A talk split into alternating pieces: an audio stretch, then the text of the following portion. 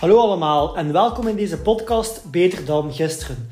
Ik ben Cedric de Wilde en in deze podcast ga ik verschillende tips en tricks delen die mijn leven compleet hebben veranderd op vlak van zelfvertrouwen, stress, angsten en geluk.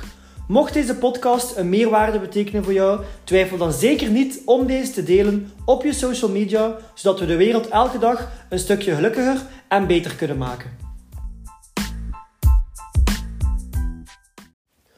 Vandaag wil ik het hebben over hoe dat we onze gedachten kunnen omzetten in actie en dan vooral over visualisatie. En ik wil het vooral hebben over hoe dat we dat op de beste manier kunnen gebruiken. Veel mensen gebruiken dat om hun doelen en dromen te visualiseren. Ze denken aan hoe dat hun leven er zou kunnen uitzien moesten ze al het geld hebben of moesten ze de finale winnen van een toernooi of in bepaalde zaken de beste zijn. Dat geeft ons een gevoel, een bepaald gevoel en zorgt ervoor dat we ook in een bepaalde sfeer komen. Nu, er wordt ons ook altijd gezegd dat je zoveel mogelijk je doelen en je dromen moet visualiseren, zodat je meer kans hebt om die te behalen. Nu, wat ik persoonlijk merk, is dat als ik mijn dromen visualiseer, dat ik daar enorm enthousiast van word. En hoe meer dat ik dat inbeeld, hoe enthousiaster dat ik ook word. Dus het maakt mij enthousiast. Mijn dromen worden dan ook altijd maar zotter en zotter en duidelijker en duidelijker. En op een duur kan ik dat bijna voor mij zien. Nu, wat ik ook merk, is dat ik daarna meestal niet overga tot actie. En dat vond ik altijd raar. Ik was, ik was aan het dromen en ik was aan het visualiseren hoe dat mijn leven, mijn lichaam, mijn bankrekening er zou kunnen uitzien. Totdat ik bijna in mijn droom leefde, totdat ik vol met vuur zat, vol met enthousiasme zat. Maar op een of andere manier motiveerde het, het mij niet om over te gaan tot actie. Het maakte me wel enorm enthousiast. Maar mijn enthousiasme was niet genoeg om over te gaan tot die actie en effectief die dromen te laten uitkomen. En laatst zag ik een video waarin dat voor mij enorm duidelijk werd. Het werd mij duidelijk waarom dat ik besloot om mijn leven vier jaar geleden te veranderen. Het werd mij ook veel duidelijker waarom dat ik soms wel en soms geen actie nam. Ik deed wel aan visualisatie, maar ik deed het op een verkeerde manier zonder dat ik dat door had. Ik kon mezelf enorm enthousiast maken, maar op een of andere manier kon ik mezelf geen actie laten nemen. Mezelf niet uit mijn zetel laten kruipen en er effectief voor gaan. Vandaag visualiseer ik niet meer wat mijn dromen en doelen zijn. Natuurlijk weet ik wel wat die zijn, maar ik visualiseer op een andere manier. Ik ga nu meer gaan denken of gaan visualiseren wat er allemaal kan gebeuren als ik mijn dromen en mijn doelen niet behaal. Hoe dat mijn leven er dan kan uitzien als ik dat niet behaal. Nu, waarom zou dat nu beter werken? Uiteindelijk zeggen we altijd dat we aantrekken wat we het meest aan denken. Maar uiteindelijk kunnen we maar iets aantrekken door actie te nemen. Zonder actie gaat er niet veel gebeuren. En actie nemen we alleen maar als we een reden hebben om actie te nemen. Nu, zoals ik al een paar keer heb gezegd, zijn onze hersenen niet gemaakt om ons gelukkig te maken. Ze zijn gemaakt om ons te helpen overleven. Dat is uiteindelijk het doel van ons als mens, is overleven. En dus zullen ze ons geen actie laten nemen voor zaken die ons gelukkig maken. Ze gaan ons enkel actie laten nemen voor zaken die ons helpen overleven. Daarom dat we veel sneller actie zullen nemen voor iets dat we niet willen of voor iets dat we willen voorkomen. En als we dan dromen over alles wat we wel willen, dan gaan we ons hersenen het gevoel geven dat alles oké is. We gaan enthousiast zijn, maar we gaan ook het gevoel hebben dat alles oké is. Dat er geen gevaar is en dat er niets aan de hand is. Want uw hersenen kennen, het verschil niet tussen wat er in de echte wereld gebeurt en wat jij jezelf inbeeldt. Daarom dat veel mensen bang worden tijdens een horrorfilm. Omdat je hersenen denken dat die horrorfilm effectief aan het gebeuren is, omdat zij niet het onderscheid kunnen maken tussen realiteit en wat er in je hoofd gebeurt. Daarom als, dat je ook verdrietig wordt aan een gebeurtenis die zoveel jaar geleden is gebeurd. U, omdat je daaraan denkt, denken je hersenen dat dat op dit moment aan het gebeuren is. Dus als wij dromen, dan zullen ons hersenen denken dat alles oké is. En waarom zouden ze dan actie moeten nemen? We hebben alles wat we nodig hebben en er is geen gevaar. Nu, wanneer dat we denken aan wat er zou kunnen misgaan en wat we kunnen doen om dat te voorkomen, dan brengen we ons lichaam in een staat van paraatheid, een staat om actie te nemen, om iets te veranderen. Ik zal een keer een voorbeeld geven, zodat dat duidelijker wordt. Wat zou u het meest motiveren om aan uzelf te werken? Denken aan uw droomlichaam en hoe dat over straat loopt en iedereen naar u kijkt. Dan ga je zeker een goed gevoel geven om daaraan te denken, maar ga je dan motiveren om actie te nemen? Of denken dat je bijvoorbeeld enorm zij bijgekomen omdat je er niets aan doet en dat iedereen ook naar u kijkt, maar op een andere manier. Dat je je onzeker voelt en je voelt je niet goed in je vel, dat je teleurgesteld zit in jezelf van, van alle ongezonde keuzes die je hebt gemaakt de afgelopen maanden, ook al had je gezegd dat deze keer voorrecht was. Het tweede, visualiseren, gaat je schrik geven. En die schrik gaat ervoor zorgen dat je gaat gaan sporten en dat je aan jezelf gaat gaan werken. En als je dat dan nog altijd niet doet, dan wil het zeggen dat het nog altijd niet belangrijk genoeg is. Dat je nog altijd niet genoeg schrik geeft. Dan moet je nog dieper of nog verder gaan visualiseren. Want vanaf dat je iets vindt dat je echt schrik geeft en wat je echt niet wilt, geloof mij, gaat uit je zetel springen en gaat direct overgaan tot actie. Omdat je iets hebt dat je wilt voorkomen.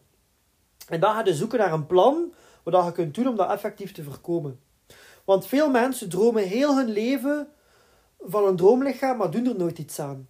Omdat je hersenen ergens denken dat dat er al is, dat je oké okay bent. Dus ze hebben geen reden om over te gaan tot actie. Dus visualiseren wat je niet wilt, zet mensen meer aan tot actie dan uw dromen visualiseren. En dat werkte voor mij enorm goed. Ik was een enorme dromer en ik droomde altijd van de leukste en de mooiste dingen. Ik was daar ook goed in, in dromen. Maar ik bleef wel in mijn zetel zitten en ik deed er niets aan. Ik bleef scrollen op mijn gsm en scrollen op TikTok, terwijl ik al die dromen had. En ik had geen zin om over te gaan tot actie. En dan ging ik nog maar wat verder dromen, want dat was leuk. Dat was een leuk gevoel. Maar terwijl veranderde mijn situatie niet en ik leefde meer in een droomwereld dan wat anders.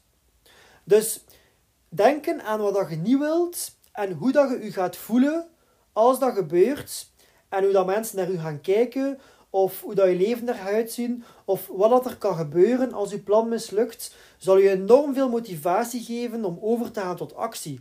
Om te gaan kijken hoe kan ik dat voorkomen? Wat kan ik doen zodat dat niet gebeurt? Want zoals ik al zei, zijn uw hersenen gemaakt om u te helpen overleven, niet om u gelukkig te maken. Dus heb jij vandaag bepaalde doelen? Wat gaat er gebeuren als je die doelen niet behaalt?